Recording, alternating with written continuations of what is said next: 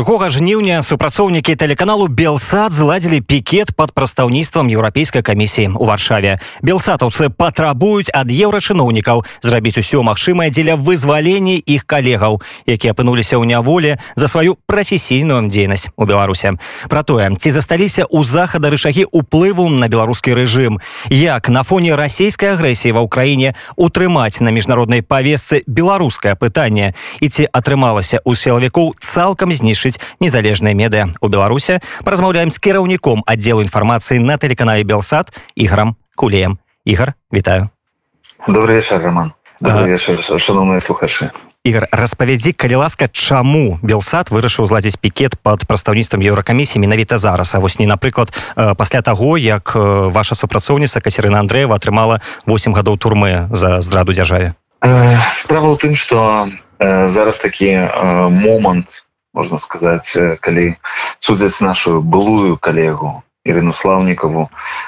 Кацярына вядомая наша калега белсатаўка якая сядзіць за справу белсата Ірына слаўнікова уже працяглы час не супрацоўнічала можна сказать з белсатамі но з'яўлялася супрацоўніцай польскага дзяржаўнага тэлебачання ТФП Ось і это такі момант быў калі вось ёсць адчуванне што чалавека судзяць зусім ну, просто ні за што не, не за прафесійную дзейнасць не за нейкія ейныя там рэпартажы якія дакушалі беларускаму рэжыму чалавека судзяць за тое што ён калісьці прадстаўляў белсат у Рэспубліцы Беларусь. Ось. І дзіўна што пытанне гучыць э, чаму менавіта зараз а нічаму напрыклад пад еўрапейскай камісіяй а не под беларускай амбасады як ну большасць звычайна чакае что э, пратэсты калі рабіць то варта іх рабіць недзе под э, беларускімі прадстаўніцтвамі дыпламатычнымі э, крышачку псаваць жыццё беларускім лукашэнкаўскім так сказаць беларускім дыпламатам Вось але э, але тут мне здаецца гэта выглядае лагічным. Все ж таки белсад спрабуе дагрукацца да еўрапейскіх чыноўнікаў. Навошта грукацца у дзверы да беларускіх дыпламатаў які і так іх не адчыняць? Ну, для кагосьці гэта лагічна для кагосьці не зусім лагічна. Тое што сапраўды беларускія дыпламаты па-перша ні на што не ўплываюць. Все рашэнні прымаюцца сілавікамі сёння беларусі Ось, і іх на меркаванне іх на ўплыву абсолютно мізэрна на то что унутры краіны а, а вось еўракамісія нейкія органы яшчэ еўрапейскія якія будуць мець контакты і вядома што маюць контакты з прадстаўнікамі рэжыма александра лукашэнкі яны могуць яшчэ мець так нейкі нейкі ўплыў у іх ёсць яшчэ пэўныя інструменты якімі можна было б уплываць на лёс наших калегаў якія знаходзяцца за краты даволі на лёс усіх і палітвязняў прызнаных і непрызнаных мы ж ведаем что нават зараз у санкцыйныя часы калі адныя санкцыі прымаюцца некаторыя санкцыі адначасова здымаюцца. Про гэта менш пишутць менш кажуць. Сёння напрыклад великкабританія зняла чарговыя санкцыі з рассеі якія тычацца страхавання пасажырскіх пералётаў. Спачатку яны былі уведзеныя цяпер ціхенька былі адменены. Вось чаму гэта робіцца за якія саступкі з боку там расійскага напрыклад рэжыму. Застаецца пытанне калі такія адбываюцца нейкія перамовы нейкія саступкі.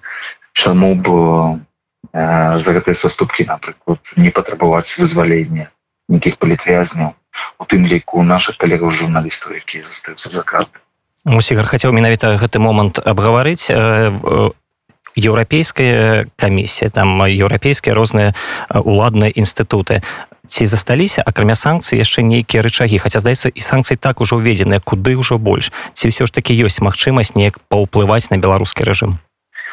Ну трэба сказаць што санкцыі это не ўведзеныя ўсе вельмі шмат якраз такі санкцыяў не ўведзена. Ёсць нават пэўны дысбаланс паміж тым под якім санкцыйным ціскам апынулася сёння Росія за агрэсію супраць Украіны і под якім ціскам апынуўся рэжым Александра лукашэнкі пасля двадцатого года а пазней яшчэ і-за саўдзелу агрэсіі. І калі на гэта паглядзець то ёсць пэўная дыспрапорцыя і Беларусь у чарговы раз становіцца таким хоць і вельмі нязначным невялікім але офшорам для Росіі дзе можна рабіць нейкія інтарэсы узгадаем хаця не ведаю там э, турызм по крэдытныя карткі так по платежныя карткі віза мастер-карту беларусі іх дагэтуль робяць у рассеяне і расейцы могуць прыехаць напрыклад і зрабіць нідзе беларусі Росія афіцыйна немагчыма купіць нейкую тэхніку самсум напрыклад телефоны. А ў беларусі калі ласка можна прыехаць і набыць то есть э, ну, пэўны такія офшоры ёсць і гэта дысбаланс у санкцыях ён выклікае пэўнае пытанне чаму яно так чаму Еўропа не рэагуе на тое што адбывалася ў двадцатым годзе цяпер не рэагуе вось на тое што Беларусь выкарыстоўваецца як плацдарм для нападу на Украіну А ёсць разуменне чаму так адбываецца чаму не рэагуе? Все ж таки Еўропа павінна разумець столькі гадоў жывуць побач з беларускім дыктатарам разумеюць яго паводзіны што ад яго невядома што чакаць. Чаму тады няма нейкіх рэзкіх рэакцый? Цяжка залезці ў галаву еўрапейскіх чыноўнікаў і разаобрацца ў гэтым хутчэй за ўсё гэтае пытанне варта кіраваць да іх. І я як журналіст таксама вельмі часта задаю гэтае пытанне тут часцей за ўсё чуем адказ про тое что ўсё ж таки режим александра лукашэнкі гэта не режим владимира путина беларусь не удзельнейшая ў гэтай вайне сваёй арміі а толькі прадстаўляе тэрыторыю Мачыма александр лукашенко таксама з'яўляецца закладнікам абставінаў ось на жаль вось такая рыторыка гучыць і канешне калі вяртацца да папярэдняга нашага пытання. Вось гэты люфт гэтая розніца паміж санкцыямі які накладзены на рассею беларусі яна заўсёды можа быць пэўнай разменнай манетай. Гэта ёсць поле для вось гэтай гульні паміж заходнім светом і рэжымом александра лукашэнкі. Калі рыхтуецца восьмы пакет санкцыяў і ён напрыклад можа азначаць для александра лукашэнкі такія ж кепскія умовы санкцыйныя як для крамля каб ён не быў такі магутны гэты ціск могуць быць пэўныя напрыклад ажыццёўлі ну саступкі з боку рэжыма александра лукашэнкі. Ну, прынамсі гэта такая палітычная тэорыя якая невядома ці так до конца перакладаецца на практыку вяртаючыся да Ірыны слаўніка. Вось ты сказаў што яна былая журналістка белсату цяпер супрацоўніца тфлп вось ці гэты фактор што Ірына яна больш не працуе на белсату ён можа нейкім чынам паўплываць на рашэнне беларускага ну так бы мовіць суда? Абсолютно думаю что не. Таму что сённяшняя беларусі могуць атрымаць прысуды абсалютна любыя людзі ніхто не глядзіць не на іх паходжанне не арганізацыі якія на прадстаўляюць восьось это не не грае ніякай ролі абсалютна это ўжо бачым з двадца -го года ў прынцыпе адбываецца калі можна ўзяць напрыклад і пасадзіць за краты беларуса за якога ў той момант выказывалася ну можна сказаць абсалютная бальшыня людзей якія хацелі аддаць голас на выбарах я кажу конечно про Віктора бабарыку. І у прынцыпе пасадзіць яго на вельмі вялікі тэрмін і нічога ўнутры краіны не адбываецца былі там пэўныя пратэсты пры ягоным затрыманні падчас яго на суду былі яшчэ меншыя пратэсты гэта не выклікае такого вялікага эфекту ў краіне якая поўнасцю падпарадкаваная якая поўнасцю закатаная сілавікамі як катком под асфальт. Ось. І гэты факт что Ірына слаўнікова працуе для дзяржаўнага польскае тэлебачання прадстаўляе міжнародную такую кампанію не будзе не мець ніякай ролі суддзя і сілавікі бачаць у ёй прадстаўніка тэлеканала белсад да якога яны змаглі дацягнуцца той факт что яна і муж дома не з'яўляецца іх не цікавіць. Ось. І гэта просто чарговы фактор такой помсты тэлеканалу белсад той праўдзе якую тэлеканал белсад э, транслюе. Э, гэта помста. Праз ірыну слаўнікаў па чалавека да якога яны змаглі дацягнуцца і вось падчас сённяшняга пікету прадстаўнікі белсату перадалі петыцыю еўрокамісію якія там былі патрабаванні ў гэтым дакуменце? Там было якраз заклік быў заклік да еўракамісіі з тым каб еўрапейскія палітыкі каб дыпламаты маглі зрабіць і рабілі ўсё дзеля вызвалення наших журналістаў дзеля вызвалення іншых журналістаў тым больше хіба што 30 прадстаўнікоў нашай прафесіі так находіцца зараз у беларусі за краты але там гаворка ідзе пра нейкія э, санкцыі ў дачыненні да канкрэтных асобаў?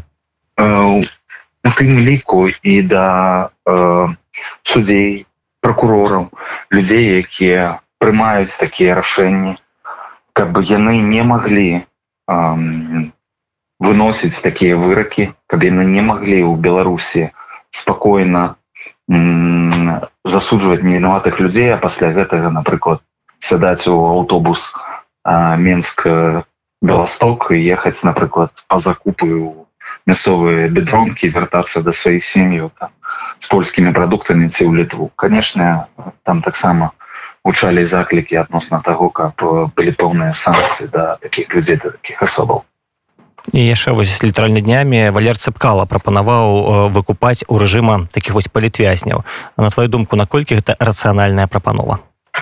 Гэта вельмі спрэчна нават у інтэрнэце і у нашай фейсбучнай беларускай суполцы разгарэлася гарачая дыскусія адносна гэтага.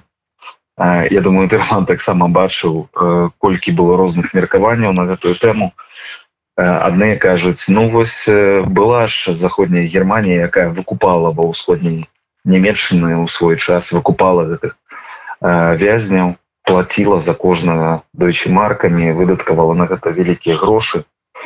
І гэта дазваляла людзям якія змагаліся з гэтым камуністычным рэжымам у ва ўсходняй нямецчыне яно дазваляла ім быць больш смелымі ведаць што калі з імі штосьці станецца іх затрымаюць то прынцыпе ёсць шлях каб іх маглі ўратаваць з іншага боку гэта ўсё канешне ўзмацняла эканоміку ўсходняй нямецчыне ім патрэбныя былі гэтыя грошы патрэбная была валюта каб трымацца як мага даўжэй і у прынцыпе александр лукашенко таксама сёння у такой жа сітуацыі. Заляваная абсалютна краіна якая патрабуе валюты Таму ёсць два бакі так? Гэта філасофскае пытанне.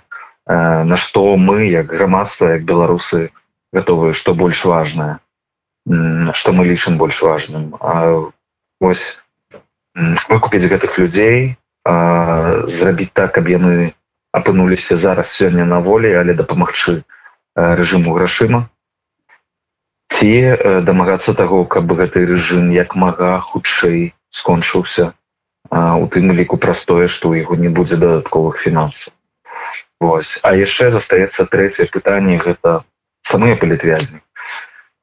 Калі мы паглядзім на такіх людзей правил северынец у мяне вялікае пытанне ці калі б ён даведаўся што за яго збіраюцца заплаціць грошы і выкупіць яго ці ён пагадзіўся бы на такую схему Вось тое ж самае тычыцца іншых вельмі годных людзей беларусаў штаткевіча слухай тады глядзі у кожнага палітвязня ну нават не ў кожнага у большасці палітвязняў ёсць такія людзі якіх называюць сімвалічнымі хроснымі такія заходнія палітыкі гэта дэпутаты сенатары але не ўсе ведаюць у чым заключаецца іх функцыя ці могуць гэтыя асобы неяк рэальна дапамагчы сваім палітвязням сама ідэя вельмі прыгожая. Гэта вядомая у сябе ў краінах палітыкі дэпутаты дыпламаты вядомыя людзі якія маюць уплыў сувязі контакты маюць э, пэўныя крэдыт даверу у сваім грамадстве.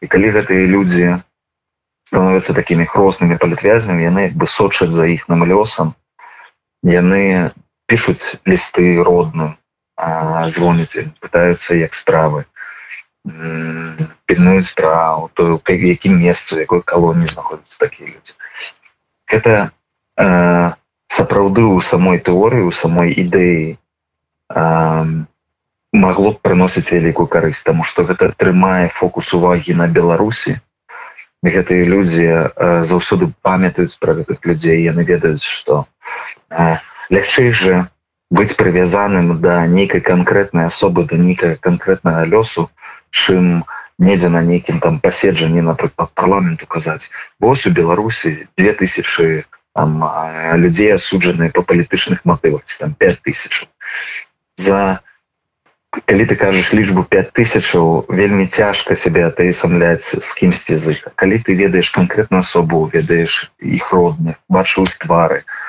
чытаў лісты з турмы. Этой асобы хроснаму якой з'яўляешься табе значна эмацыйна э, ты больш з ёю звязаны значится ты будзеш больш як бы актыўна ў гэтым накіру на жаль гэта не заўсёды так таксама спрацоўвае то бок ідэя ў тэорыі яна прыгожая але на практыцы мы бачым что э, не ўсе з гэтых людзей які ўзялі шэфства сталі такімі вось хроснымі беларускіх палітвязняў працягваюць заставацца актыўнымі ў гэтай тэме пасля двух гадоў якія вось праз некалькі дзён мінус пасля выбараў двадцатого года. Я б нават сказаў што я не шмат сёння як журналіст бачу таких актыўных палітыкаў у заходняй Еўропе якія усцяж вельмі шчыльна займаюцца гэтай тэмай Ну і натуральна што цяпер та беларуская тэма яна э, паступова адышла на другі калі на трэці план. І заходнія краіны заходнія палітыкі яны больш засяроджаны на падзеях ва ўкраіне. Ну і наша павестка натуральна дзесьці там ужо далёка. Вось як у такіх умовах прыцягваць увагу захаду да сітуацыі ў нашай краіне? Вось што можна рабіць і трэба рабіць? Гэта вельмі складанае пытанне. Пытанне зноў жа да ўсіх нас да ўсіх беларусаў ці мы можам і здольныя ўтрымаць нашу праблему у фокусе ўвагі наших так бы мовіць саюзнікаў краінаў якія спачуваюць нашаму лёсу якія готовы дапамагаць нам у нашай барацьбе. Істотным фактарам у гэтым моманце з'яўляецца тое што александр лукашенко ёсць часткай гэтай войны ён саюзнік владимира путина ён прадставіў тэрыторыю для атаки расійскія войскі заходзілі в украіну з тэрыторыі беларусі і гэта канешне адзін з таких ключовых фактараў калі заходнія краіны кажуць пра гэтую вайну калі яны размаўляюць пра адказнасць владимира путина на заўсёды ўзгадваюць і александр лукашенко. І гэта нам канешне дазваляе беларусам увазе утрымліваць увагу пазней ёсць вельмі паспяховыя прыклады дапамогі барацьбе украінцаў супраць расійскай агрэсіі гэта я маю на увазе добраволь добравольнікі фармаванні полк пагоня по каліновскага іншае фармаванне добравольцаў якія таксама дапамагаюць таму што пра беларусаў не забываюць беларусаў бачаць пра іх памятаюць яны даюць інфанагоды пэўныя для того каб памяталі што большасць беларусаў на гэтым баку добра так? Яны дапамагаюць украіне сёння абараняць сваю незалежнасць. Ось ёсць офіс Святлана цігановская які колькі крытыкі на яго сёння не лілося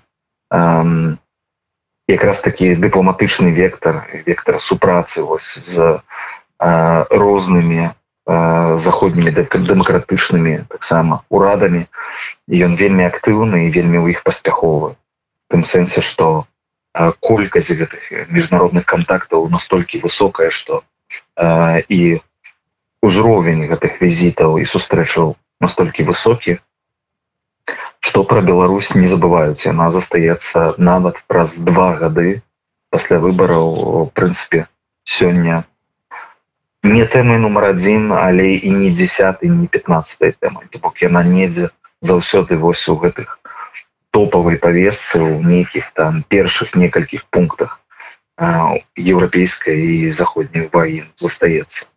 Ну, Беларусь застаецца у топах хотя у негатыўных але зразумела что Польша краіны балты разумеюць сітуацыя якая склалася у беларусе а ці разумеюць напрыклад тое што адбываецца в нашай краіне у ва умоўнай іспаніі італіі? Ці гэта все ж таки аддано на ўсходнюю еўропу каб яна разбіралася со сваімі суседзямі? Конечно там разумеюць тое что адбываецца беларусі значна горш значна менш. Что не значыць что не разбіраюцца зусім. У любой еўрапейскай краіне ёсць групы экспертаў і у парламентах розных іншых органах уладных ёсць людзі якія так ці інакш накіравалі свой погляд там на ўсходнюю Еўропу і звязаныя нейкім чынам з усходняй Еўропы. У Еўропай але у гэтым моц таксама еўрапейская звязу ягонай вось гэтай структуры. Тое што краіны якія знаходзяцца бліжэй да нейкіх вось сваіх суседзяў для іх гэты рэгіён больш важны і яны выносяць гэтую повестку як бы на падуздымаюць яе на агульных паседжаннях усіх прадстаўнікоў еўрапейскіх краінаў. І такім чынам беларускае пытанне праз літву праз латвію праз польшу яно становіцца важным і для краінаў якія вельмі далёкі ад беларусі. Португаліі іспаніі ці там Італіі Грэцыі якім у прынцыпе сваіх праблемаў хапае але менавіта такім чынам прыходзіцца таксама пра гэта даведвацца таксама як Польшы пра праблему умоўнай там Італіі з мігрантамі ці Грэцыі. Вось у гэтым ёсць сіла у тым што э, важныя э, моманты істотныя рэчы для суседзяў вырашаюцца супольна а не пакідаюцца на э, там вырашэнне толькі нейкіх вызначаных краінаў ось это польская праблема некая палякі вырашаюцца это ж у іх вось там мяжа эмігранты ідуць але мы бачылі якая была хваля еўрапейскай салідарнасці калі рэжым александра лукашэнкі арганізаваў поток мігрантаў у польшу і літву колькі краінаў паўдзельнічалі ў гэтых місіях колькі сюды прыехала розных прадстаўнікоў іншых еўрапейскіх краінаў памежнікі якія дапамагалі палякам і літоўцам займацца гэтай праблемай. Калі казаць пра сітуацыю унутры нашай краіне можна сцвярджаць што сілавікі ўсё ж таки цалкам знішчылі незалежнай беларускай медыа ўнутры краіны? Э, калі мы кажам пра ўнутры краіны унутры беларусі то я не сказаў што до конца ёсць яшчэ некалькі асяродкаў не хачу іх называць каб не прыцягнуць дадатковую увагу да гэтых маленькіх сродкаў масавай інфармацыі мясцовых нейкіх лакальных выданняў якія яшчэ граюць ролю ў сваіх раённых цэнтрах умоўна які яшчэ здольныя недзе даносіць альтэрнатыўную Мачыма уже не такую яскрава выражаную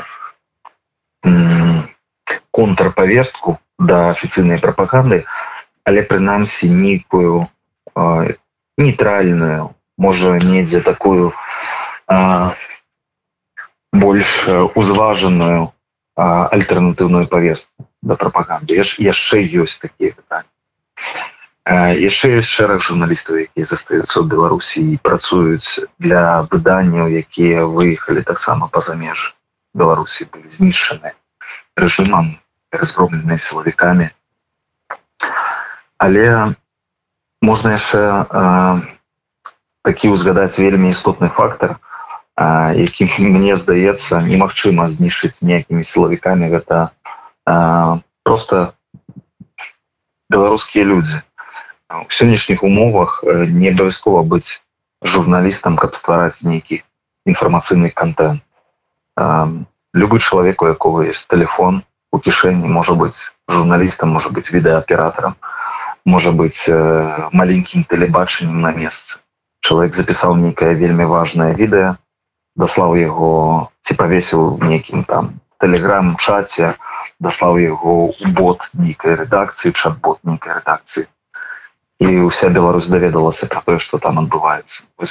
Гэта будзе вельмі цяжка знішчыць структурныя сМ якія арганізаваныя якіх есть кіраўніцтва некалькі журналістаў офіс это конечно сілавікам знішчыць вельмі лёгка і раней ці пазней я думаю яны калі так будзе ісці далей дабяруцца да ўсіх і нават гэтых рэгіянальных сМ і мы гэта назіраем але знішчыць вось гэтую журналістыку ніжэйшага ўзроўня то бок ну, у пераносным смысле пераносным значэнні гэта што беларускія людзі сёння могуць з'яўляцца журналістамі ім гэта не ўдастся просто не ўдастся заўсёды застануцца людзі якія змогуць ананімна паведамляць пра нейкія важныя падзеі ўнутры беларусі. Заўсёды застануцца крыніцы якія не пагаджаюцца з тым што адбываецца ўнутры краіны якія будуць дзяліцца інфармацыяй.